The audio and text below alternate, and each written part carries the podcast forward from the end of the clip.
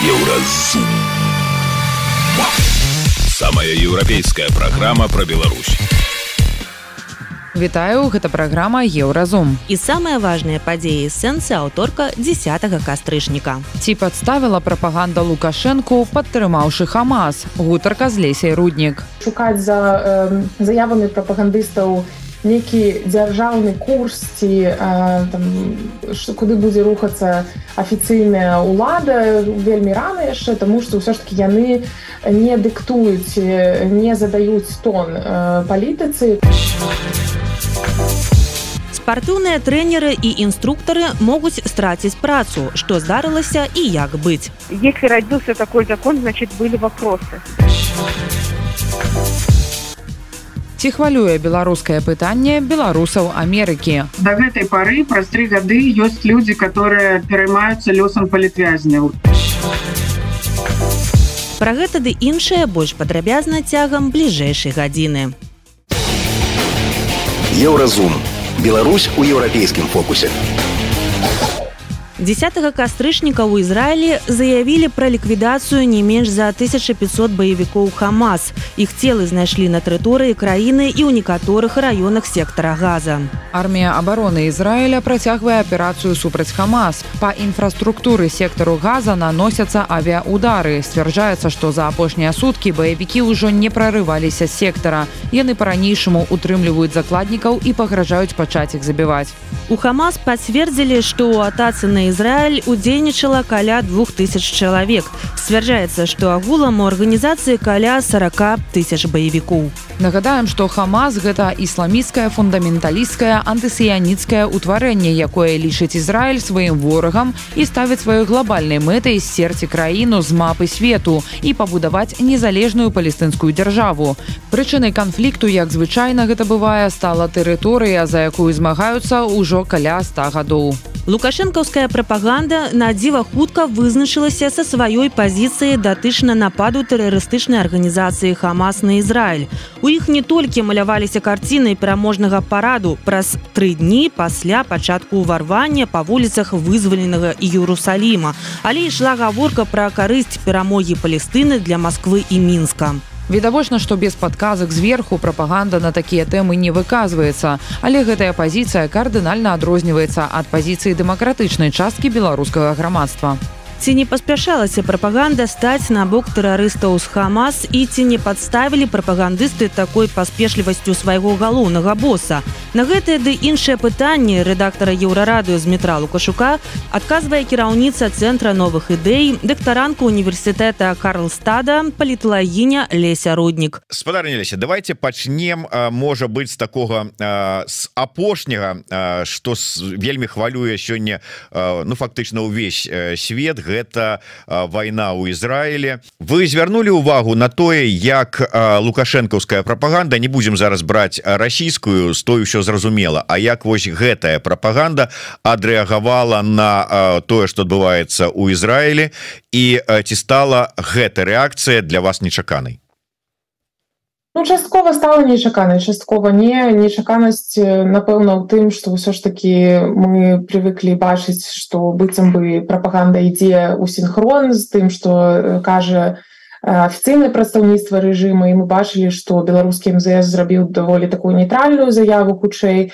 чым у падтрымку палесціны але тут у некаторых прапагандыстаў мы чыталі яскравыя допісы з падтрымкай палесціны і гэта даволі неканвенцыйна ў тым сэнсе што гэта ідзе ў разрэз з афіцыйнымі заявамі рэжыма. З іншага пункту гледжання тут можна сказаць што это адбываецца ўжо не першы раз.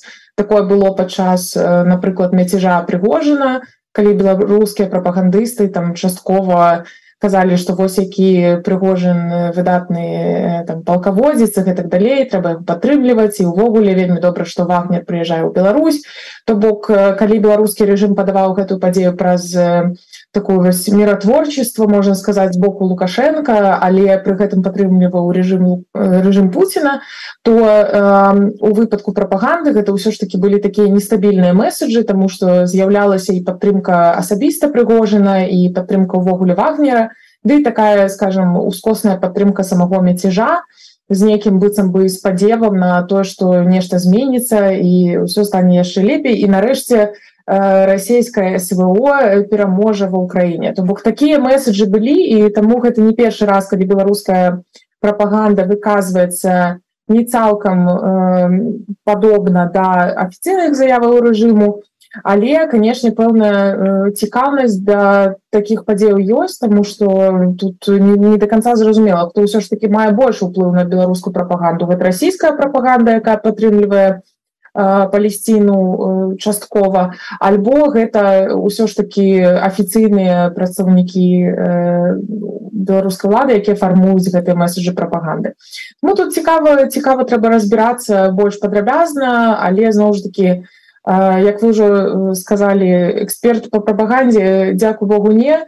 Таму э, на гэта час пэўна адвожу але на жаль як бы больш дэталёва тут складана сказаць тут трэба разбірацца дакладна якія там у іх матывы і адсочваць наратывы гэтай прапаганды просто мы привыклі до того что калі кажам про прапаганду асабліва калі гэта гаворка ідзе про прапаганду у аўтарытарных там тоталітарных ці там як спадарня роза турарбекова кажа про лукашэнкаўскі режим что это там неосталінізм у таких режимах прапаганда не можа апрыоры ісці неяк так вот у разрэз там ці нават адыходзіць ад лініі агульнай палітычнай ці метадычак якія ім спускаюцца. І часам мы назіралі такія вось паузы бо прапаганда не ведала як рэагаваць на тыя ці іншыя падзеі бо метадычкі яшчэ не паспелі спусціць.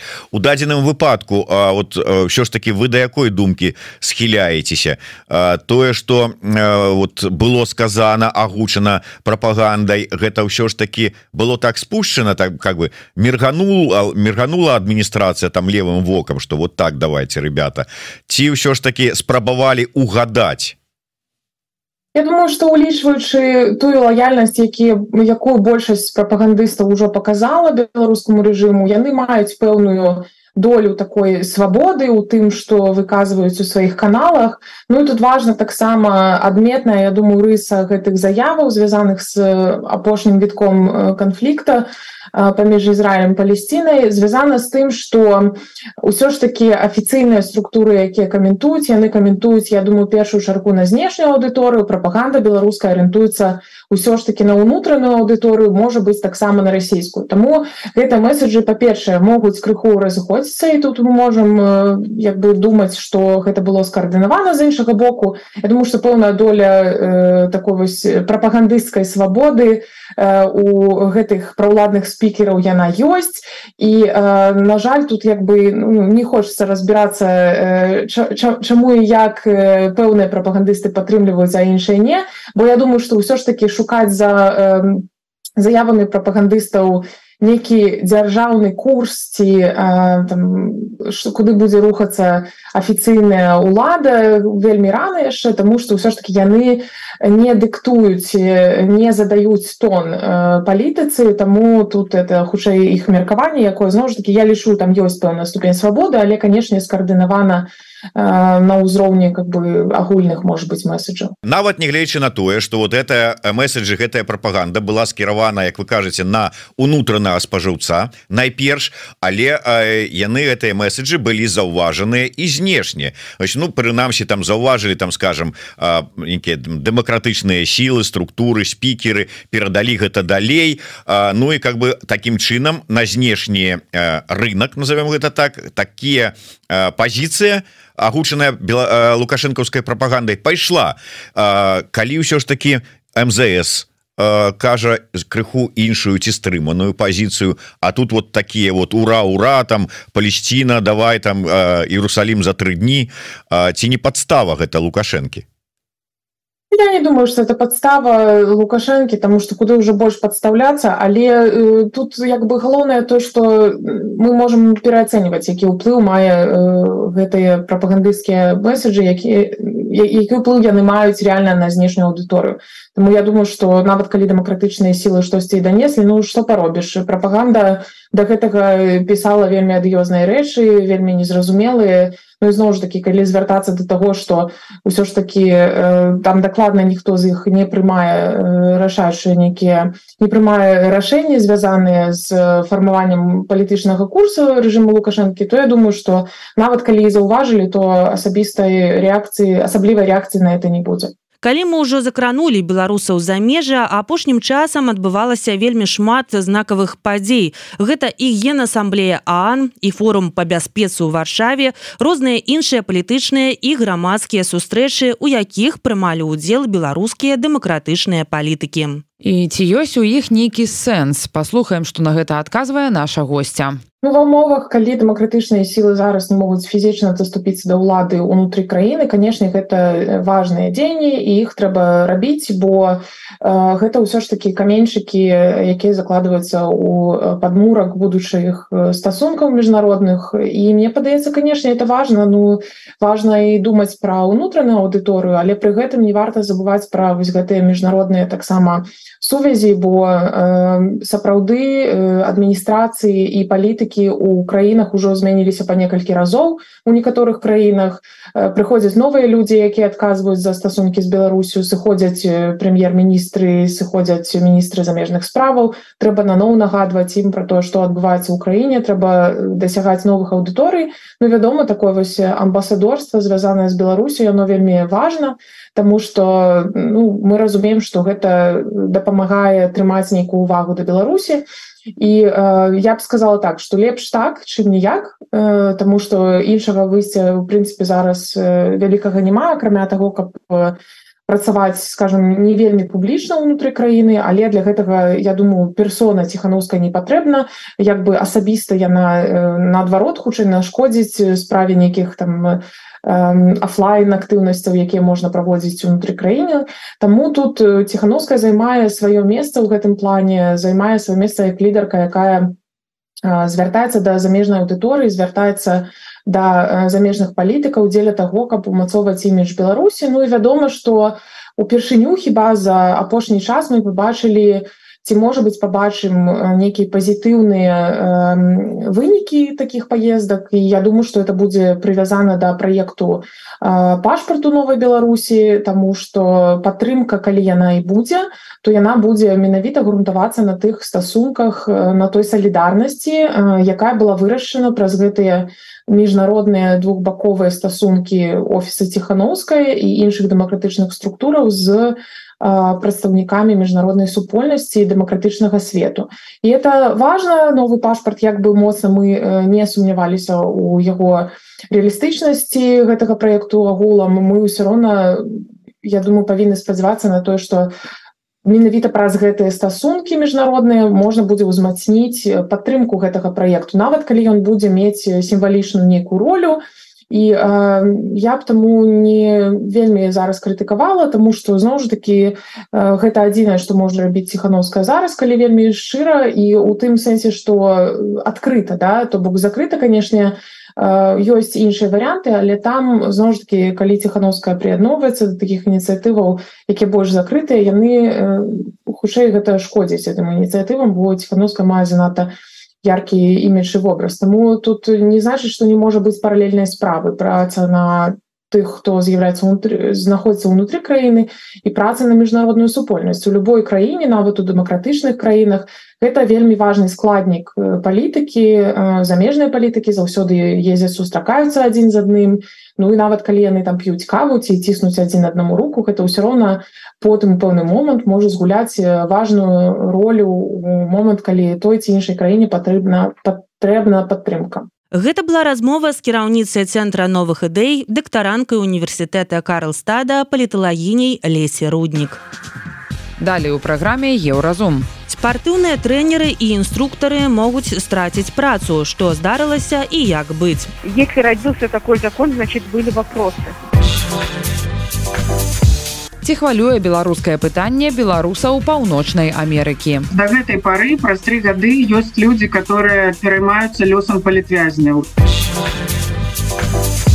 Сустрэнемся пасля музычнай паўзы і навінаў спорту.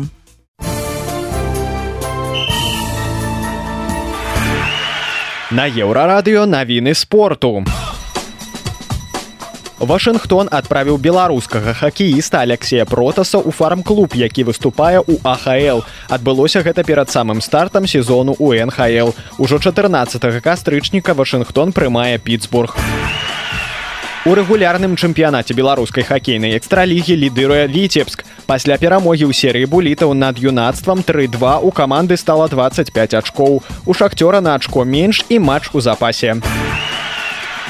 УЕФА аб'явіў, дзе пройдзе еўра 2028 года. Яго прымуць Великабрытанія і Ірландыя, гарады Белфаст, Бірмінгем, Кардыф, Дублін, Глазга, Ліверпуль, Лондон, Манчестер і Ньюкасл. Чэмпіянат Еўропы па футболе 32 года адбудзецца ў Турцыі і Італіі.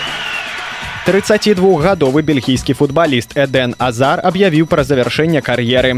Ён лічыць, што трэба прыслухоўвацца да сябе і сказаць стоп у патрэбны момант.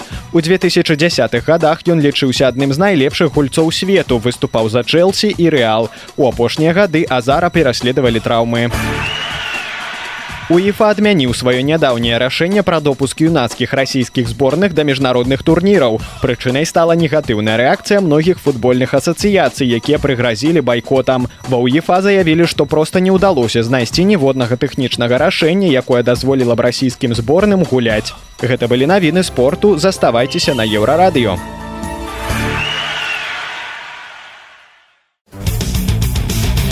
Еўразум жыві ў рытме Еўропы калі пасля першага студзеня трэнер па ёзе і многім іншым відам спорту будзе працягваць працаваць без акрэдытацыі гэта прыраўняюць да занятку незаконнай прадпрымальніцкай дзейнасцю. Пра гэта папярэджвае кіраўнік аддзела фізічнай культуры міністэрства спорту Пётр воран якому еўрарадыё патэлефанавала ад імя нашай слухачкі насты. Дзяўчына баіцца закрыцця студыі ў мінску у якой працуе трэнер які атрымаў адукацыю не ў беларускім універсітэце фізічнай культуры культуры, а на практычных семінарах у Індыі. Прычынай непакою стала ўвядзенне дзяржаўнай акрэдытацыі на права займацца развіццём фізічнай культуры і спорту по закону до конца гэтага года яе павінны атрымаць і фітнес-клубы і трэнажорныя залы і супрацоўнікі розных спартыўных секцый і самі трэнеры. Асноўнае патрабаванне наяўнасць беларускага дыплома па спецыяльнасці трэнер па спорце. Як успрымаюць гэтыя умовы спартсмены і чыноўнікі? Як быць калі трэнер не мае запаветнай дзяржаўнай корачкі але можа пахваліцца пры гэтым і сваімі рэкордамі і рэкордамі сваіх выхаванцаў? Што рабіць калі атрымліваў адукацыю за мяжой і навошта ўвогуле дзяржава вырашыла ў чарговы раз ускладніць жыццё сваім грамадзянам. У сваім рэпартажы журналістка еўрарадыё паспрабавала знайсці адказы на гэтыя ды іншыя пытанні.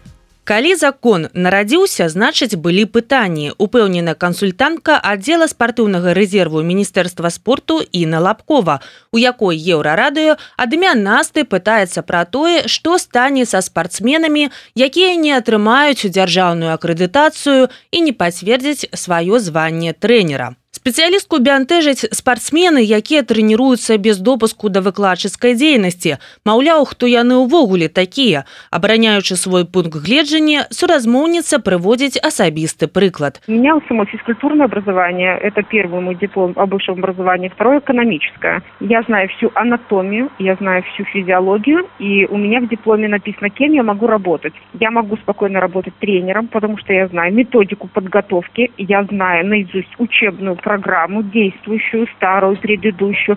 Я знаю правила суде, э, судейства соревнований и все подобное.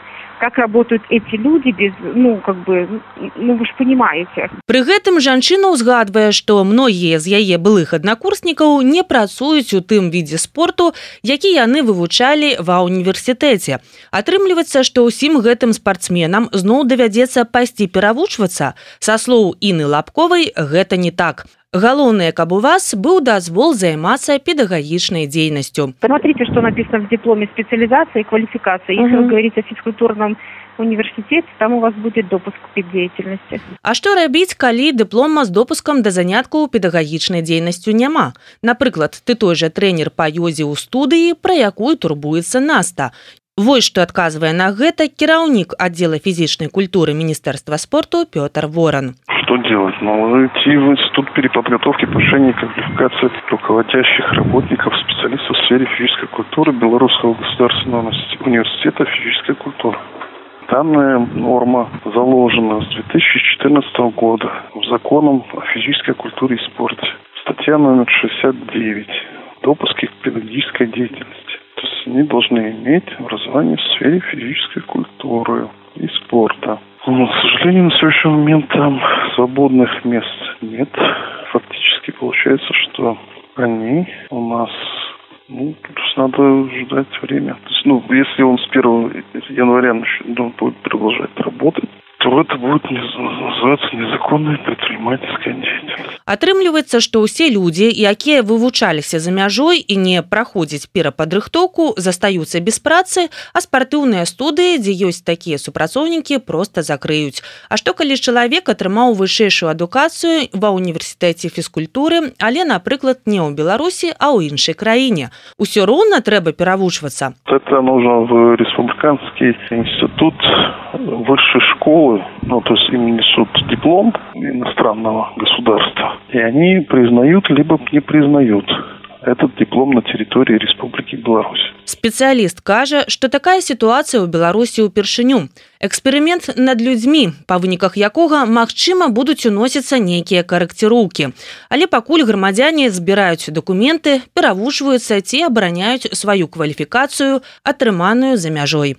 Навошта Лукашенко чарговы раз ускладняе беларусам жыццё. На гэтае пытанне еўрарадуй адказвае сябра свабоднага аб'яднання спартсменаў, трэнер па каратэ з 23гадовым стажам Віталь Рак. Там мне некалькі мэтаў, як я бачу, першая мэта самая галоўная гэта отсеять оставшихся нелояльных кого нельга было посадить не нельга было там звольніць э, кого просто скажем так нема за ім такого нічога але подозрительный не выдаць просто таким людям ліцэнзію. Гэта вельмі просто то есть пры жаданні у беларусі скажем так все правілы створаны так каб немагчыма было их выканаць усе. и і каб было магчыма нават калі ты выканал их все тебе все равно пакараць. Гэта першае. Другу не выдаць ліцэнзію адразу тым каго падазраюць у нелаяльнасці там оставшиеся крохи да тому что самые дерзкие яны ўжо альбо ў турме альбо за межамі беларусі другі момант гэта тым кому выдали трымаць их на кароткім поводку. Да калі ты штосьці там дернулся шаг права шаг влево ты тебя просто лишают аккредитации і ты лишаешься сваёй магчымасці займацца этой тренерской дзейнасцю это першая рэч ну, другая рэч подзарабіць грошы тому что зараз ну я ведаю каратэ усе кінуліся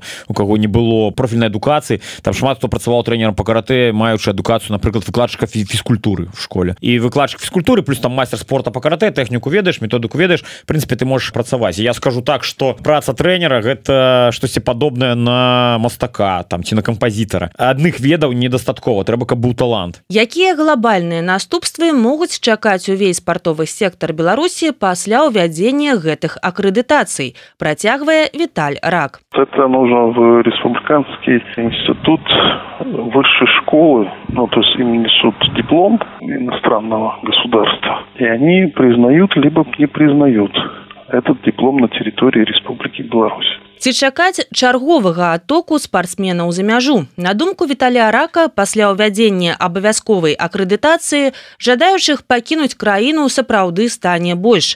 Іншае пытанне гэта магчымасці якіх становіцца наадварот усё менш. Суразмоўцы перакананы што аток беларусаў і перспектыва дэмаграфічнай катастрофы непакоіць лукашэнку. Сёння галоўная мэта рэжыму утрымаць беларусаў дома і максімальна іх кантраляваць інфармацыйная служба еўрарадыё. Далее у праграме еўразум. Ці хвалюе беларускае пытанне беларусаў паўночнай Амерыкі? До гэтай пары праз три гады ёсць людзі которые пераймаюцца лёсам палітвязняў. Сустрэнемся пасля музычнай паўзы і навінаў шоу-бізу. Шоу-біз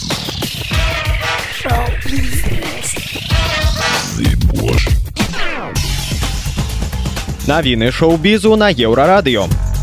Некалькі актораў знакамітага серыяла Шонды Раймс Анатомія Грэй уз'ядналіся ў пятніцу на пікеце з нагоды страйку актораў. Кім Рэйвер, якая грае доктара Тэдзі Альтмана ў медыцынскай драме, пасля пікету падзялілася асноўнымі падзеямі дня ў нстаграм. У відэа таксама можна было заўважыць некалькі яе калегаў па серыяле, у тым ліку Чандру Уилсон, Джейсона Джорджа, Джеймса Пікінса малодшага ды камілу Ладынгтон. Ганаруся тым што сёння салідарная на пікеце з многімі членамі сям'і актораў ды здымачнай групы анатоміі і іншымі членамі прафсаюза тут перад борнер бразерс напісала акторка ў садсетцы Нас можа чакаць супрацоўніцтва брытні спірс і Джейзі. У сваім нстаграм спявачка прапанавала кавер на песню Б'ёнсе Дэдді Лесэнс з новым куплетам ад рэпера. Шмат людзей рабілі рэміксы на мае песні без майго ведама. Думаю, можна з упэўненасцю сказаць, што ўрэшце рэшт я перараблю гэты сінгл. Проста трэба пазнаёміцца з Джейзі і дадаць да гэтага рэп, піша брытні. У суправаджальным відэа з саундтрекам Дэдді Лесэнс спірс зноў зладзіла танцывальны перформанс для сваіх прыхільнікаў. 10 кастрычніка споўнілася б 76 гадоў герою Украіны народнай артыстцы ніні мітрафанаўні Мацвіенко. На жаль, у мінулую нядзелю сэрца спявачкі спынілася. Дачка Тоня Мацвіенко падрыхтавала ў якасці творчага падарунка да дня нараджэння сваёй мамы песню сок зямлі. Цяпер гэта песня стала прысвячэннем. Сваім новым трэкам Тоня заклікае шанаваць свае ўкраінскія карані і быць удзячнымі бацькам. Сок зямлі песня з рэпертуару Ніны Мацвіенко. Гэта былі навіны шоу-бізу, заставайцеся на еўрарадыё.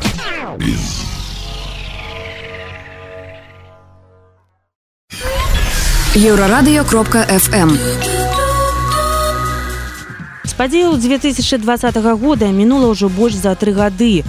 І ў адсутнасці станоўчых зменаў пры наяўнасці не толькі няспынных рэпрэсій але і саўдзелу лукашэнкаўскага рэжыму ў вайне рассіі супраць украіны часам ствараецца ўражанне што колішні ўздым беларусаў за межа застаўся ў мінулым тэма нацыянальнага адраджэння умацавання нацыянальнай свядомасці салідарнасці беларусаў адыходзіць на трэці план. Бо жыццё за мяжой хутчэй вымагае інтэграцыі ў мясцовае грамадства а не пошукаў сваёй нацыянальнай ідэі ды ідэнтычнасці. Што сёння адбываецца ў дыяспорах ЗША і Канады? Ці важная для беларусаў Амерыкі тэма нацыянальнага адраджэння і ўмацавання ідэнтычнасці? Ці можна за мяжой знайсці беларускую нацыянальную ідэю і ці магчыма захаваць беларускасць у эміграцыі на гэтае ды іншыя пытанні ў эфіры еўрарадыё адказваюць магістарка гісторыі лідарка супольнасці беларусу ў сан-франциско экс-прэзідэнтка згуртавання беларусаў Амерыкі Надзея Нортон і экс-старшыня згуртавання беларусаў Канады Алена Лявончынка. Надзея чым жыве э, супольнасць беларуская э, у ЗША э, ці змяніліся настроі і як змяніліся пасля от гэтага уздыму двадцатого года? Ну вымушана констатаваць что так змяніліся і скажем ну некаторыя моманты конечно расшароўваюцца але напэўна яны ну як непазбежныя то бок я ўсё больш пачынаю бачыць прыкметаў які былі характэрны для беларускага грамадства. Як на беларусі так і за мяжою дыяспоры до да двадцатого году. Вось то бок пазбяганне выкарыстання сімволікі нацыянальна-гістарычнай Вось по розных прычынах. Звычайна конечно гэта называется як бяспека сваякоў на Беларусі і гэта у, у пэўным ступені апраўданая Вось. Але ж таксама ідзе такая штука что ну можно сказать что павылазілі прыхільнікі лукашэнкі. Вось бо да ну до гэтага часу з двадцатого года не было бачна ні на мітынгах ні на мерапрыемствах краснай зелені чырвонай зелені сцяга Вось А вот зараз мы літаральна днямі прыйшлі навіны што ў некаторых супольнасцях нават гэта не мітынг суполкі але гэта нейкі напрыклад як міжнародны фэст да, бо там ну такі час ад часу выкарыстоўваць і вот туды прыносяць сучасны дзяржаўны сцяг Вось поэтому я ну сапраўды бачу вось прыкметы ну для сябе я так вызначыла гэта называется як э, такая не слабая э, беларуская ідэнтычнасць або хісткая вось э, калі менавіта ну я не ведаю нема няма гэты напэўна такой моцнай каштоўнасці беларускіх нацыянальных сімбаляў таких як бела-чырвона-бела сцяга і пагоня безумоўна. і і э, напэўна ну напэўна гэта я спрабую знайсці сабе тлумачэнне напэўна просто мусіць прайсці час і нават чалавек мусіць пацярпець за гэтай сімбалі каб яны сталі ягонай такой сапраўднай каштоўнасцю як ён хоча і бараніць і дэманстраваць у якасці сваёй беларускай ідэнтычнасці Так а што мала ў двадцатым годзе пацярпелі і па, па, і да гэтага часу працягваюць цярпець ці што трэба вот ці, ці гэта ну, пра тых хто цер, цярпеў там сапраўды у Беларусі а на у дыаспорах этой как бы вот цяр, гэтай гэтага не было Ну тут э, цяжка ўсё гэта размежаваць бо напрыклад я ведаю што шмат э, людзей у дыяспорах яны ездзілі на Беларусь і яны удзельнічалі у мітынгах у маршах у пратэстах але ж гэта быў мейнстрым то бок усе хадзілі са сцягамі то ну умоўна кажучы гэта было ну як вот і гэты сцяг і, і гэты. А калі зараз гэта ўжо як бы ну э, э, пэўная небяспека ну або для сабе або для блізкіх і так далей тады я лепш схаваю. Та, тады на всялякі выпадак. Ну то бок таму я кажу што вось гэтая тэндэнцыя вяртання давайте без палітыкі да то бок у нас гэта часто называется мы вне палітыкі але альбо давайте без палітыкі прычым ідзе подмена а, ну з майго пункту гледжання бо ну белы чырвоны белы сцяг і гер пагоня гэта перш за ўсё нацыянальна гістарычныя сімбалі Вось які існавалі задоўга да прыхода да ўлады Александр лукашэнкі. Вось бок я просто хочу нагадаць что герб пагоні існуе з 12 13 стагоддзя. Вось а сцяг бело-чырвоны белы быў то бок колер выкарыстоўваліся у вялікім княжестве літоўскім таксама вельмі вельмі давно. Вось ну а уже у якасці гістарычнага нацыянального сімбаля ён быў замацаваны 18 годзе Вось то бок ось гэта падмешванне паняццяў что бела-чырвона-белы сцяг это выключна палітычны сімбаль то бок палітычная сімволіка с майго пункту гледжання гэта не так. Яна безумоўна палітычна але перш за ўсё нацыянальна гістарычна гістарычная і я лічу что мы мусім рабіць так як рабілі папярэднія генерацыі дыаспаральныя якія захоўвалі гэтую каштоўнасць. Бо фактычна дзякуючы дыаспаральным супольнасцям мы маем яе бо на беларусі немагчыма было я выкарыстоўваць до 1991 года фактычна. Вось ну то бок да 88 был уже уздым и гэтак далей выкарыстоўвалі але не ў такім памеры. Менавіта дыяспора захоўвала менавіта дыяспора пісала про гэтыя каштоўнасці. Поэтому напэўна что рабіць на яшчэ больш тлумачыць чаму важно мець э, і показывать сваю ідэнтычнасць э, за межамі потому что беларусы не могуць гэта рабіць у беларусі. Яны бы і хацелі яны маюць гэтыя сцягі схаваныя дзесьці там вось каб ніхто не знайшоў але а, а мы ну мы як мы голас вось то бок мы можем мусім паказваць так что вот такія зараз адбываюцца працэсы Людзі сталі менш цікавяцца палітыкай, але гэта звязана больш з тым, што беларусам баліць тое, што адбываецца ў нашай краіне, а таксама ва ўкраіне. Пра гэта кажа экстаршыня згуртавання беларусаў Канады Алена Лявончанка. Тым не менш беларусы не перастаюць цікавіцца сваёй гісторыяй і культурай. Імкнуцца вывучаць беларускую мову, ходзяць на беларускія імпрэзы. Вось якімі назіраннямі дзеліцца спадарня Алена. Хоць гэтая хваля два -го года яна схлынула, але яна нас як бы мы тады узняліся на вельмі вялікі ўзровень мы трошки спусціліся вниз але мы не упали туды адкуль мы пачалі Я бачу зараз что у людзей ёсць вот нават новыя люди которые приезжаюць у Канады у іх адразу так трэба шукаць сваіх трэба нешта актыўнае рабіць трэба гуртавацца аб'ядноўвацца і вот люди приходзяць может быть яны размаўляюць на рускай мове может быть у іх не будзе там на цішоткі з пагоні першы раз калі яны прыйдуць але ў іх дакладнае разуменне что трэба шукаць сваіх трэба аб'ядноўвацца трэба гаварыць что мы беларусы не саромецца вось гэтага дакладна раней не было. Люди прыязджалі і хацелі растварыцца як мага хутчэй стаць канадыйцамі амерыканцамі А зараз я не скажу что все але гэта новый феномен что люди прыязджаючы за мяжу яны уже чакаюць что тут есть актыўная суполка что тут будзе нейкая актыўнасць яны будуць Э, самі нешта рабіць і дапамагаць і я еще хочу сказаць что нягледзячы на то что гэта хваля двадцатого года яна у грамадска-палітычным сэнсе склынула але вялікі дзякую что ёсць людзі з вельмі абвостраным як бы сумленнем пачуццём болей адказнасці за других людзей вось до гэтай пары праз три гады ёсць люди которые пераймаюцца лёсам палітвязняў і робяць проекты пишуць у соцсетках збіраюць грошы вось у нас будзе 29 кастрычніка пікет з нагоды сусед сусветнага дня палітвязняў і люди самі арганізавались некалькі чалавек вось тут ініцыятыўна сказали Ну мы не можем гэта пропусціць нам баліць трэба про гэта гаварыць мы разумеем что зараз это нікому не цікава акрамя нас самих беларусаў але мы все равно будем гэта рабіць. То бок двадцатый год ён все-таки памяняў сітуацыю зараз может быть гэта не так видно публічна масава прыгожа як гэта было тады але я бачу что люди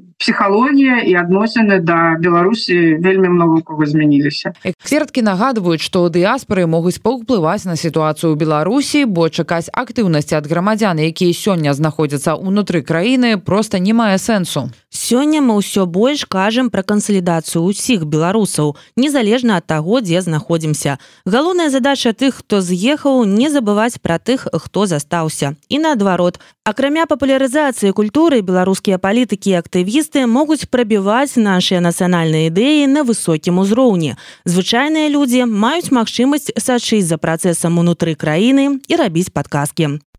Еўрарадыё Твая улюбёная хваля. Гэта была праграма Еўразум, штодзённы інфармацыйны падкаст еўрарадыё. Кожны дзень мы распавядаем пра галоўныя навіны Беларусі і свету. А сённяшні выпуск скончаны, беражыце сябе, пачуемся. Еўразум. Самая еўрапейская праграма пра Беларусь.